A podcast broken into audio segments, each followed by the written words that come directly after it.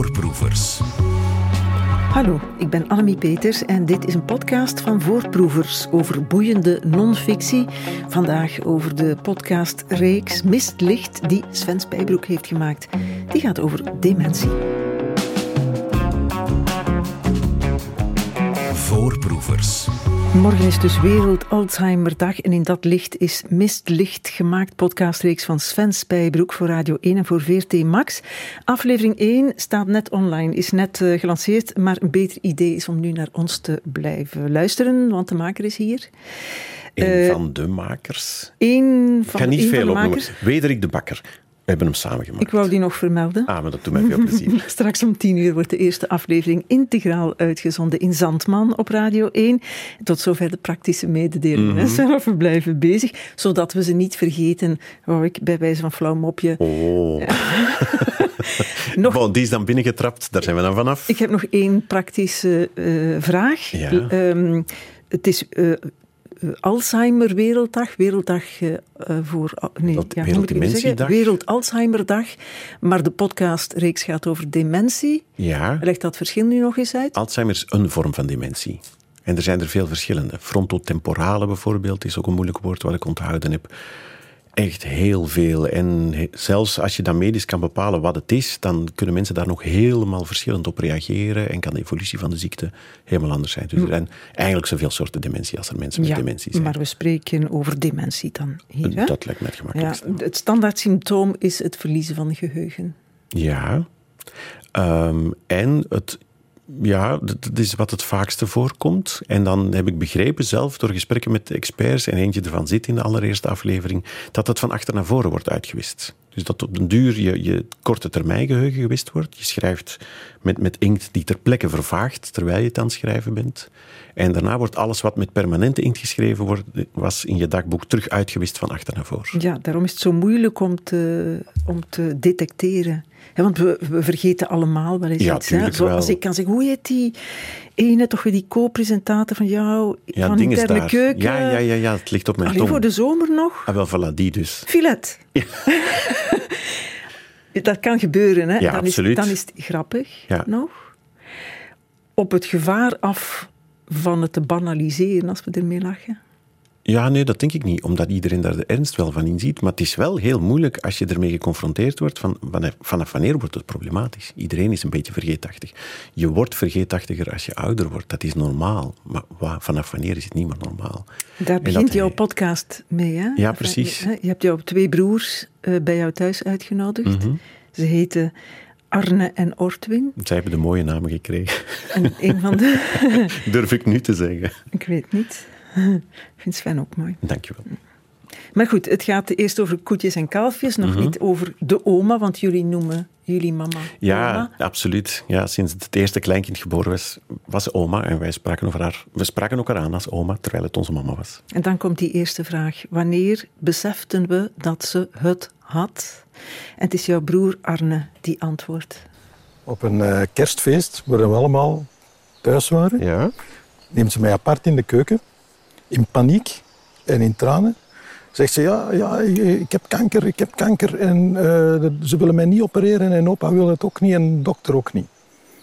Oei, als ze daarop doorging, was het haar verhaal van haar borstkanker van jaren ervoor.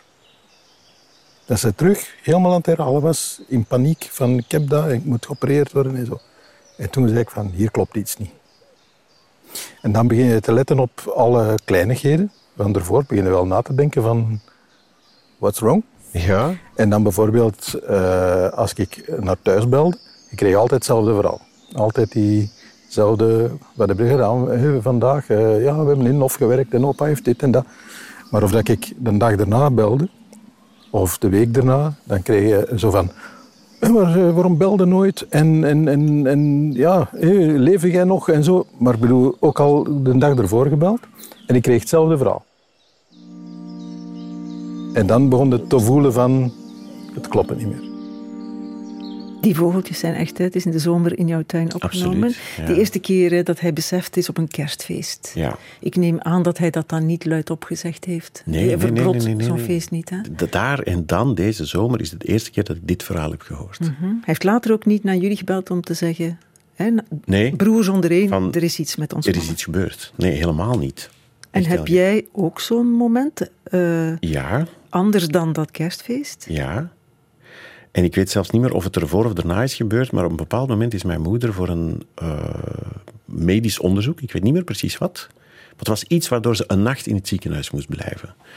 En eh, toen is ze helemaal in paniek geraakt. En is ze echt gedesoriënteerd. Ze had geen idee waar ze was. Ze had geen idee waarom ze daar was. Eh, heeft ze de hele nacht naar mijn vader gebeld. Van je moet mij komen halen en ik weet niet waar ik ben. En, en helemaal in paniek. En dan heeft de hoofdverpleging ons de dag daarna bij zich geroepen. En we wisten wat er gebeurd was, want ze had mijn vader gebeld. Eh, en ze zeiden, ja, bon, dit is niet oké, hè. Dit is er gebeurd, dat is echt wel... Beseffen jullie wat er aan de hand is?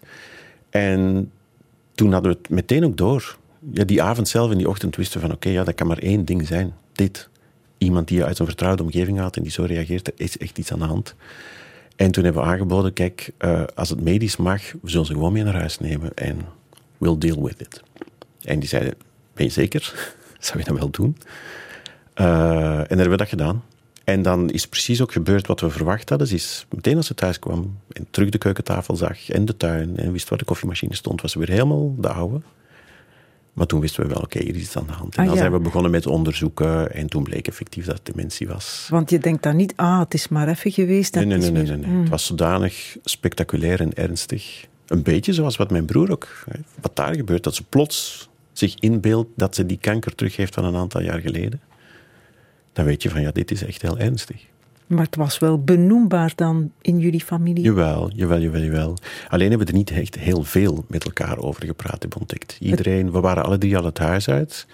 Dus je komt wanneer je kan en je belt met elkaar en je spreekt dingen af. Je hebt het er wel over, maar je, gaat nooit eens, je hebt nooit de tijd gevonden, genomen om eens te gaan zitten en eens goed door te praten. Het woord dementie kon wel vallen. Dat Jawel. was geen taboe. Eh, bij- eh, eh, tussen mijn vader en ik bijvoorbeeld, die het niet had, hè, maar die dus dan, dan vanaf dat moment beseft van hé, ik ben mantelzorger vanaf nu. Ja, ja.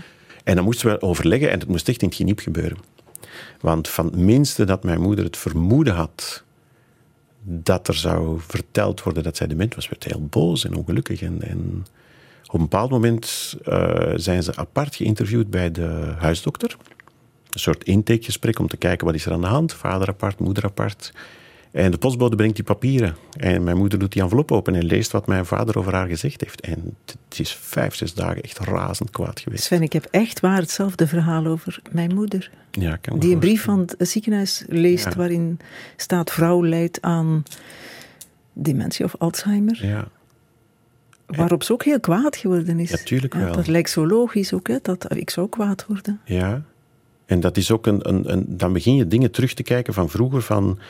ehm, je gaat naar een begrafenis van iemand in de familie waar ze normaal gezien zouden meegaan. Eh, en ze gaan niet mee. Ja, nee, we kunnen niet. Oh, dit en dat. Excuses. Weet je, schrijf dan een kaartje. Ja, oké, doe ik wel. De hele week lang. De dag zelf, je komt ochtends langs, is het kaartje geschreven. Ja, nee, weet je, hier, pak een kaartje, ga je zitten, schrijf het. Nee, nee, nee, nee, nee. Nu niet, ik moet daarover nadenken. Ruzie.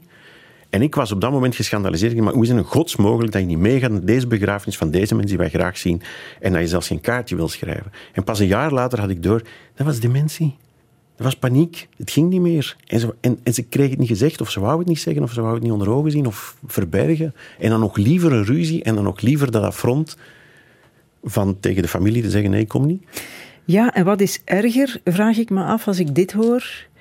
Het niet willen beseffen, of het niet willen weten, of het moment dat ze het wel beseft en dat ze het wel onder ogen moet zien. Er zit zo een stukje in jouw podcast ook. Het gaat over wanneer zij het beseft. Jij vertelt en jouw broer gaat verder.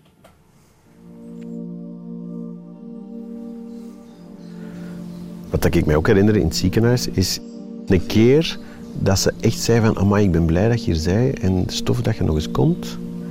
En kijk er naar uit van, van jullie nog eens terug te zien en zo. Echt super helder, ene keer. Dat zei ze tegen mijn vrouw ook. En dan zei ze terug van, ja, maar je ziet er ook goed uit, hè, oma. Eh, je gaat dat hier goed doen. Hè? En dan zei oma van, ik ga hier nooit niet meer uitkomen. Maar echt zo glashelder. Wauw. En dat was echt zo van, oeps, dat besef is er wel bij momenten. Ja, ja. Ze kon ook heel triest zijn. Ik heb haar zelf heel vaak triest en heel vaak wenend gezien. Dus waarschijnlijk heeft ze momenten gehad dat ze beseft van... I'm in deep shit. Dat moet toch beangstigend geweest zijn voor haar, hè? Ja, absoluut. Ja. En het is ook zo dat naarmate de dementie vorderde, waren die heldere momenten minder. En had ik het gevoel, wa- was ze minder angstig en minder ongelukkig? En was het eigenlijk die, die tussenfase waarin je ermee worstelt en je voelt afglijden, die is verschrikkelijk. ja, en ja. nadien wordt het gek genoeg, denk ik, minder erg. Hm. Want even belangrijk is het antwoord. Als zij zegt, ik ga je nooit meer uitkomen, wat zeg je dan? Wat antwoord je dan? Voorproevers. Sven Spijbroek is bij mij over jouw prachtige, openbarende, ontroerende, voor mij ook herkenbare podcast Mistlicht gemaakt in samenwerking met Wederik de Bakker. En de muziek, die moeten we ook vermelden. Van Frederik de Klerk. Ja. En dan ook nog SERA, het expertisecentrum Dementie Vlaanderen en de Alzheimer Liga Vlaanderen, die hebben geld en expertise geleverd. Ja, dat zijn slimme mensen waar we altijd mochten aankloppen als we vragen hadden. Wat een versnippering wel. Eh, maar ze werken blijkbaar heel goed samen, hè? Ah, anders ja, was deze podcast er niet geweest. Ja, ja. We hadden het over jouw mama. Omdat jouw podcast met haar begint en met jouw broers die vertellen over het moment dat je beseft, het klopt niet meer.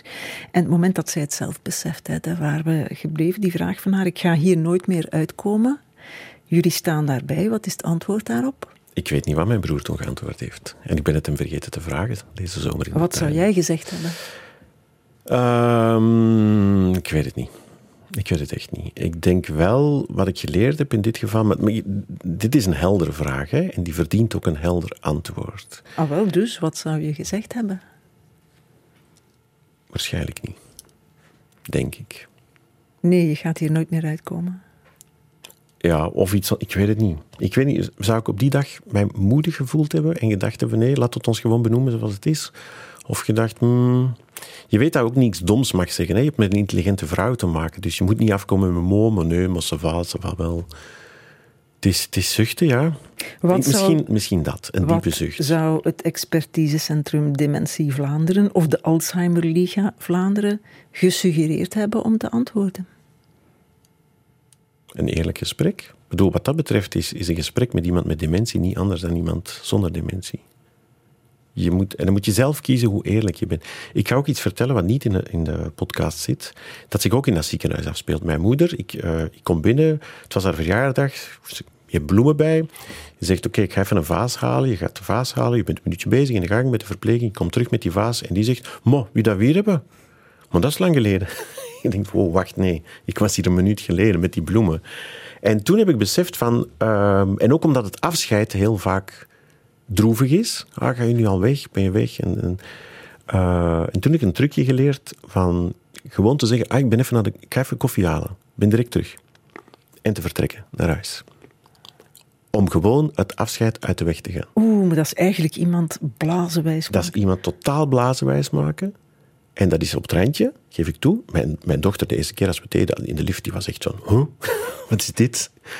Ehm, maar je bespaart iemand het verdriet van het afscheid.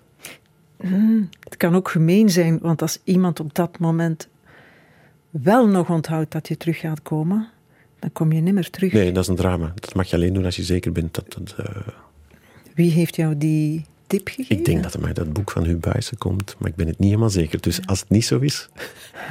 ik heb hem wel aan hem voorgelegd. De, Huub Buijsen, dus is een Nederlandse eh psychogerontoloog. Dat Ja, is die, iemand... zit, die zit ook in jouw eerste Precies, die zit er ook in. Die heeft een geweldig boek geschreven waar ik toen der tijd, want mijn moeder is gestorven in 2013, heel veel aan gehad heb. En dat waren allemaal van dit soort praktische tips. Van, van, je kan er nog van alles mee met Alzheimer. Het hoeft niet altijd dramatisch te zijn. Hoe heet het boek? De eh, heldere eenvoud van dementie. Ja.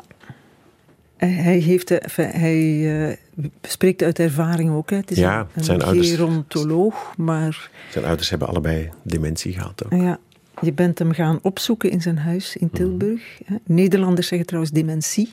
Ja, dat is zo. Dat is dezelfde aandoening voor de Precies rest. hetzelfde. En hij legt, het is hij ook die dat uitlegt van die vervagende inkt waarmee je schrijft. Hè. Je schrijft iets op Mhm. en even later is het al weg. Dat komt van hem ook. Hè. Ja. Ehm, ik heb bij het luisteren naar jouw podcast, als het gaat over hem en zijn tips en tricks, geregeld gedacht, had ik het maar geweten. Ja, dat kan ik me voorstellen, ja. Een van de allereerste was, en zo ben ik hem toevallig op het spoor gekomen, want goed, je stelt vast, mijn moeder heeft dementie. Ik weet niks van dementie, dus het eerste wat je doet is studeren, hè. informatie zoeken en sprokkelen. En een van de eerste dingen in het boek was, als iemand eh, honderd keer hetzelfde zegt, gewoon, gewoon meegaan. Niet zeggen, dat heb je al gezegd, dat heb je al tien keer gezegd. Want dan iedere keer opnieuw confronteer je iemand met het verdriet en de angst en de teleurstelling van, verdorie, ik, ik, ik doe iets fout. Ja. En ik herinner mij zelfs niet wat ik fout heb gedaan, maar ze zeggen, iedereen is kwaad op mij. Ja. En het idee was, ga gewoon mee. En, en als het voor de honderdste keer... En dat is ook een vorm van bedrog, hè? Ja, je en blijf er maar geduldig onder. Ja, dat is hè. waar. Maar je blijft altijd weer opnieuw in een goede vibe zitten. Al is het voor de honderdste keer dat iemand een mop, een grap, een verhaal vertelt, als je er mee ingaat, dan heb je nog een leuke tijd. Ja, je moet wel altijd even enthousiast antwoorden. Want als je de honderdste keer zegt... Met een diepe "Ah, zucht." ah," Dan Nee. is het ook niet goed. Hè? De, de tip waar ik het meest aan had, eh, die ik uit jouw podcast heb gehaald, is als je bij je moeder bent, eh, bijvoorbeeld, en je vraagt soms om aan de praat te blijven.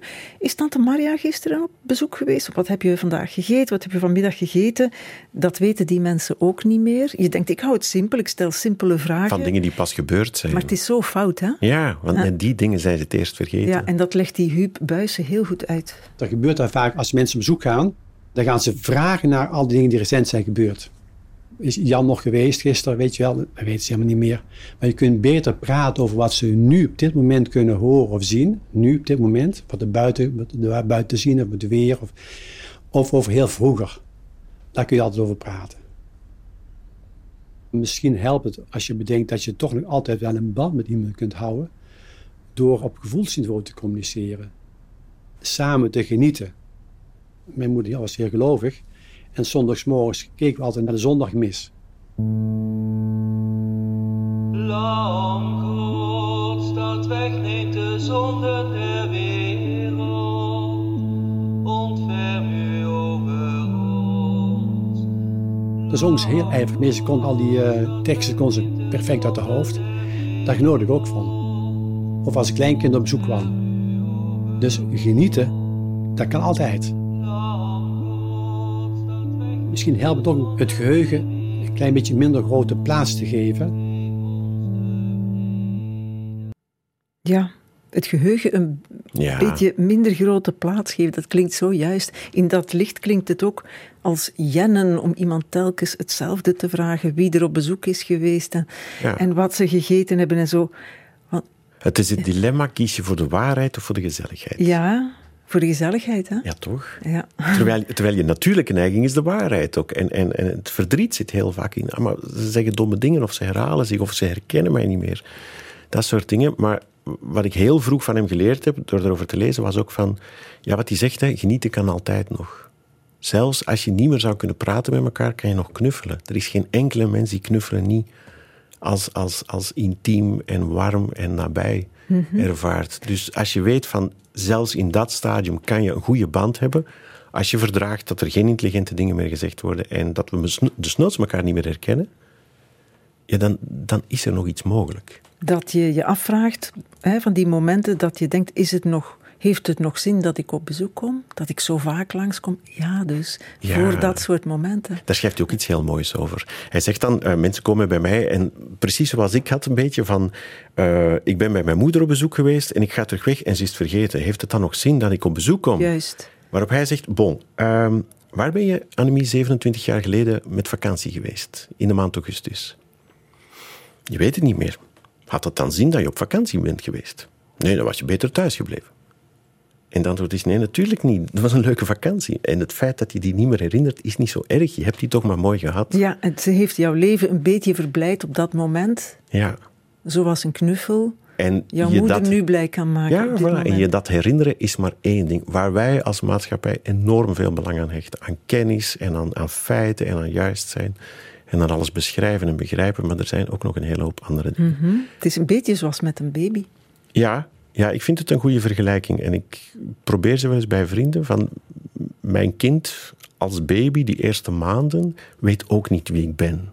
weet alleen dat ik hem vastpak en dat ik de pamper ververs en dat we knuffelen en dat we plezier hebben.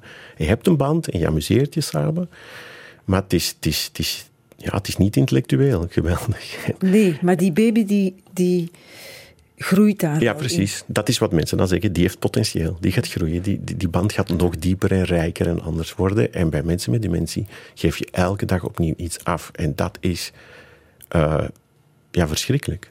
De dingen die we nu benoemen zijn manieren waar je kan naar kijken en mee omgaan om het draaglijk te maken. Maar dat neemt niet weg dat het ook altijd weer opnieuw moeilijk is en pijnlijk en hard. Ja. En afscheid. ja, en draaglijk voor ons, maar ook draaglijk voor hen. Hè? Dat hoop je dan. Ja. Hele belangrijke. Praat over wat nu vaststelbaar is. Of over iets wat van heel lang geleden komt. Ja. Hè? Of Mijn grootmoeder, toen die op een bepaald moment ons kwam logeren, begon die te vertellen over zij als achtjarig meisje en hoe ze in de Tweede Wereldoorlog gevlucht was. Nee, sorry, wat zeg ik? Eerste Wereldoorlog gevlucht was met haar moeder naar Nederland en dan in quarantaine moest. En ik vond het geweldig. Ik had mijn grootmoeder nog nooit gezien als een achtjarig meisje. Laat staan dat die spannende avonturen zou beleven. En ik was heel blij dat ze dat soort dingen begon te vertellen. En ook daar weer heb ik jaren later beseft, dat was het begin van Alzheimer. Er kwamen dingen terug die, die ergens onder het stof in diepe laden verborgen zaten in haar geheugen. En die plots er terug boven kwamen. En toen ze dat voor de honderdste keer vertelde. Ja, toen wist ik het zeker. Ja. Voorproevers. Morgen is Wereld Alzheimerdag. Sven Spijbroek die wordt erg in de verf gezet. Onder andere via deze spot met Kathleen Aert. Hoi, Kathleen hier. Wist je dat 1 op 7 mannen en 1 op 3 vrouwen te maken krijgt met dementie? Maar er is nog altijd geen medicijn. Wetenschappelijk onderzoek is heel hard nodig. En daarom steun ik de stichting Alzheimer Onderzoek. Wil jij hen ook steunen? Ga dan naar stopalzheimer.be. Want samen kunnen we Alzheimer voor goed stoppen. Zo, zo. Samen kunnen we Alzheimer voor goed stoppen. Laten we ermee beginnen. Je zou het hopen, hè? Waar staan ze qua stoppen? Ik ben geen dokter, hè. Ik heb wel dokters gesproken voor deze podcast. Qua stoppen, ehm, nergens is het niet, maar het is nog veraf. Heel veraf. En het wordt al heel lang aangekondigd, hè, van, van het moet en het zal stoppen en we moeten iets vinden. Ja, net nog. Hè? Nu, nu, Ja, ja, nu ja, nog. je krijgt de indruk van als we nog even een sprintje trekken, dan eh, lukt het wel.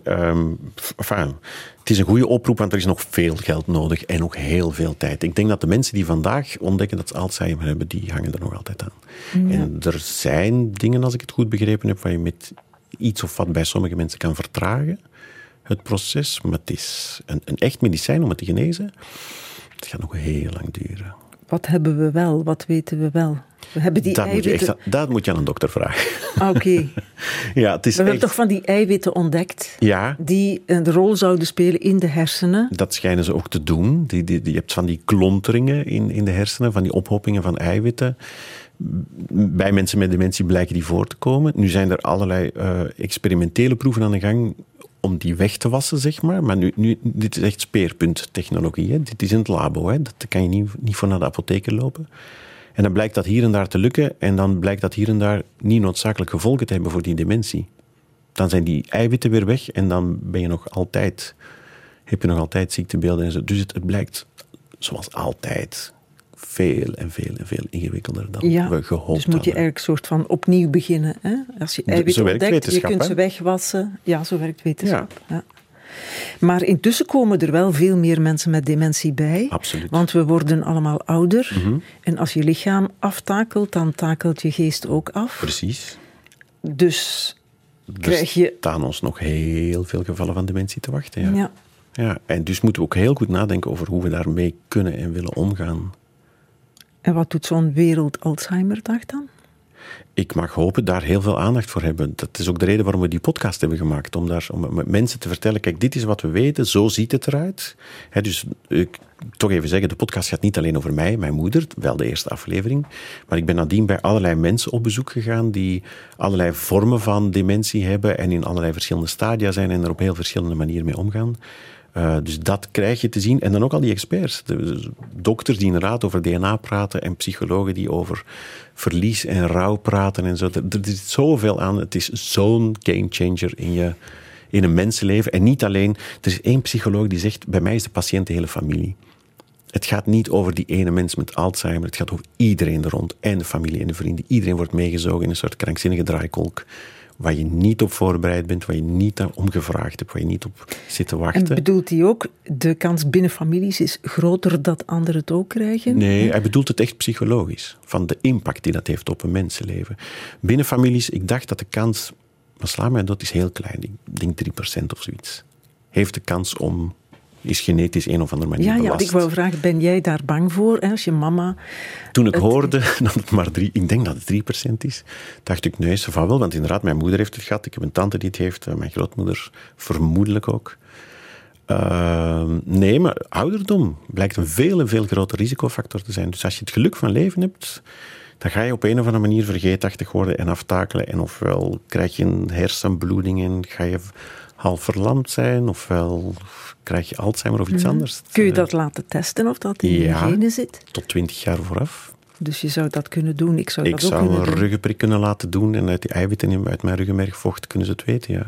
Maar en ja, weten ze dan, je hebt een verhoogde kans op wat? Ja, dat weet ik niet. Wanneer, weet ik ook niet. Hoe erg zal het zijn? Hoe gaat het evolueren, weet ik allemaal niet. Maar je laat dat niet doen. Om die reden niet. Wat heb je eraan aan Precies. En er is geen medicijn. Dus wat zou het? Dan wil ik het liever twintig Ja, jaar nog niet Dan weten. is dat een schaduw op de rest van je leven. Precies. Ja. Maar ik zou begrijpen dat mensen het wel laten doen ook. Het lijkt alsof die ziekte, hè, als het genetisch de kans zo klein is, alsof ze willekeurig toeslaat. hè. Want jouw mama had dementie. Ze was een van negen kinderen, heb je mij verteld. Hoeveel van die negen hebben het ook gekregen? Of Oh, hoeveel op dit moment die- is er nog één andere tante die in leven is, die het ook heeft. Jouw tante Gina. Ja, klopt. En je zou dat niet gezegd hebben van haar, want je beschrijft haar in de podcast als de gangmaker van de familie. Zal wel zijn. Zeer bij de hand de tante. Ja, heel slim, heel extravert, leuk, grappig, feestend. Ja, een wervelwind van energie. Zingend ook. Absoluut. Ja. Je gaat haar bezoeken, hè? Heb ik gedaan. De gangmaker, tante Gina, de zangeres. Met haar dochter, jouw nicht is dat dan. Ja, Die Lien. heet Lien. Samen op bezoek in het woonzorgcentrum.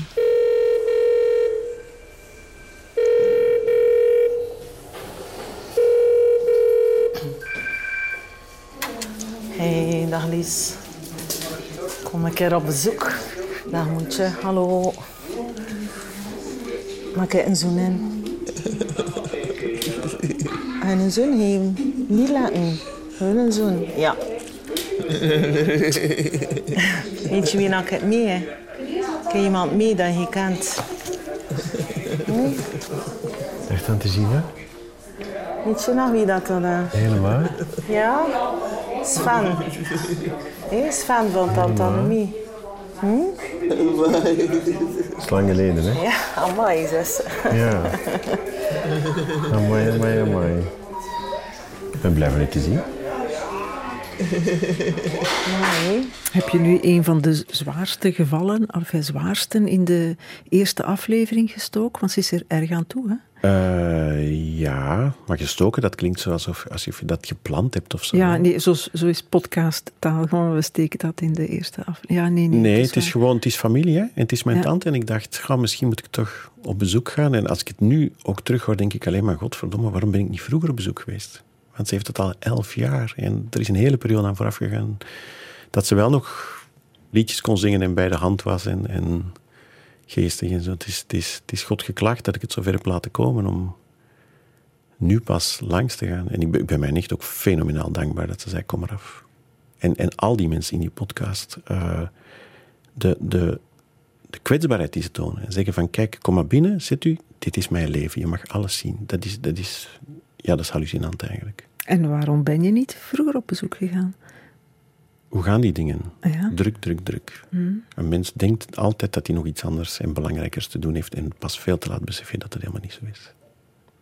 Jouw nicht, eh Lien, moet ook pluimen krijgen, hè? want die doet dat zeer goed met haar moeder. Absoluut. Staat ik vast, praat niet over de dingen die ze toch niet meer kan weten, of toch niet in deze podcast. En slaagt er ook in om haar mama blij te doen klinken. Zo heb ik dat toch gehoord? Ja, dat is ook zo. Want, want als je dat hoort, het fragment nu, dan kan je ofwel... Eigenlijk, dat, dat hele ding van Alzheimer zit erin, vind ik. De, de, de shock van, van de achteruitgang, zoals je zegt. En het verdriet en de pijn van, dat is wat er over is van deze vrouw op dit moment.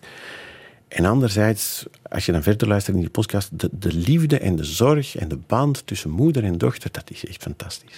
en, die- en, en daar hoor je het gewoon gebeuren van, dat kan ook nog tot op het allerlaatste moment. Ik denk dat veel mensen dat ook herkennen. Ook als iemand heel erg aftakelt, die liefde takelt niet af. Wel Nee. in tegendeel. Ja, en laat het maar inspireren ook. Hè. Nog een keertje naar die kamer in het rusthuis en jij zit daar een beetje te mijmeren. Terwijl ik met Gina en Lien daar in de kamer zit, moet ik denken aan de filmpjes van tante Gina.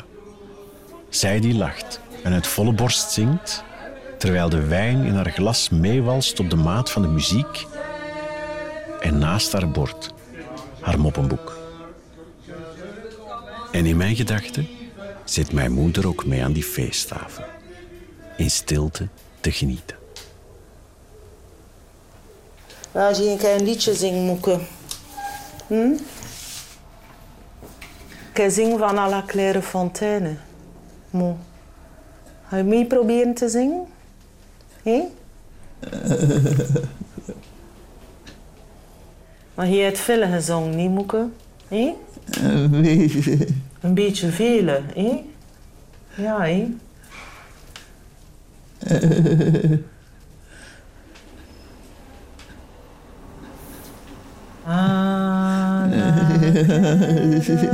fontaine, m'en promener, j'ai trouvé l'eau si belle que je suis baignée. Il y a longtemps que je t'aime, jamais je ne t'oublierai.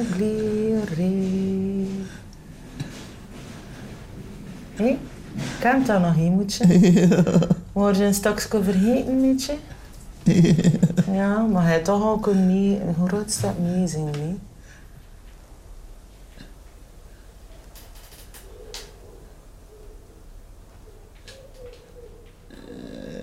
À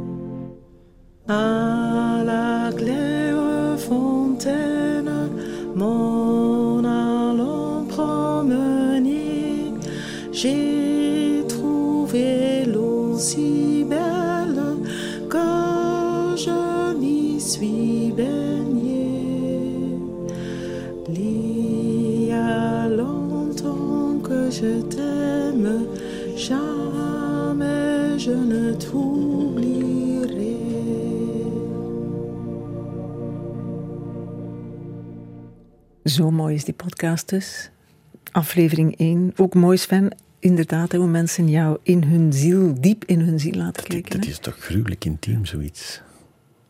Ja, vind ik echt heel mooi. Het is ook pas dagen later, heb ik het liedje terug beluisterd en dan pas is mij frank gevallen hoe onwaarschijnlijk toepasselijk het ook is. Ik heb jou altijd graag gezien, ik ga je nooit vergeten. Mistlicht staat nu online, aflevering 1, toch al op radio1.be en op VRT Max te vinden. Ehm, de volgende, wanneer komt die, Sven? Over veertien dagen. Dat is over Ingrid. Die heeft, een, eh, die heeft jongdementie. Daar kan je nu mee praten, merk je helemaal niks aan. Eh, maar dat is gaandeweg, ja. Zijn er toch dingen waardoor je leven dan stilaan toch verandert. En de mensen van, van het Ventiel, dat is een eh, vereniging in West-Vlaanderen van mensen die eh, met en zonder dementie, die dan dingen doen samen, op stap gaan. We zijn gaan minigolfen. En dat was echt superleuk. Het was een hele, hele fijne middag. En aan het eind van de middag, was met 20 of 25 mensen, wist ik nog altijd niet precies wie er nu dementie had en wie niet. En precies dat was de bedoeling. Ik ken het ventiel via Rick de Leeuw. Ah, en Jan Houtenkiet. hè. En Jan en, Houtenkiet eh, natuurlijk ook. Die ja. gaan vast fietsen met... eh, Ja, het is echt heel leuk. ja, en soep koken ga, ga je ook doen, hè? Dat soort dingen. Ja, dat soort dingen. Het kan ook heel plezant zijn natuurlijk. in Absoluut, we hebben veel gelachen onderweg. Ja, dat moest ook nog zeggen. vermeld. Hè. Het is niet alleen maar diepe droefenis. Af en toe is het ook heel erg leuk. Ehm SERA, het expertisecentrum Dementie Vlaanderen en de Alzheimer Liga Vlaanderen. Nu heb ik ze genoeg vermeld, Ja, denk ik. kom, en de Stichting Alzheimer Onderzoek ook. Die- Ze doen hun best. Ze hè. doen allemaal hun best. En muziek van Frederik de Klerk. En eh Wederik de Bakker was er ook bij betrokken. Voorproevers. Dit was een podcast van Voorproevers. En meer van ons te vinden op VRT Max en radio1.be. Voorproevers.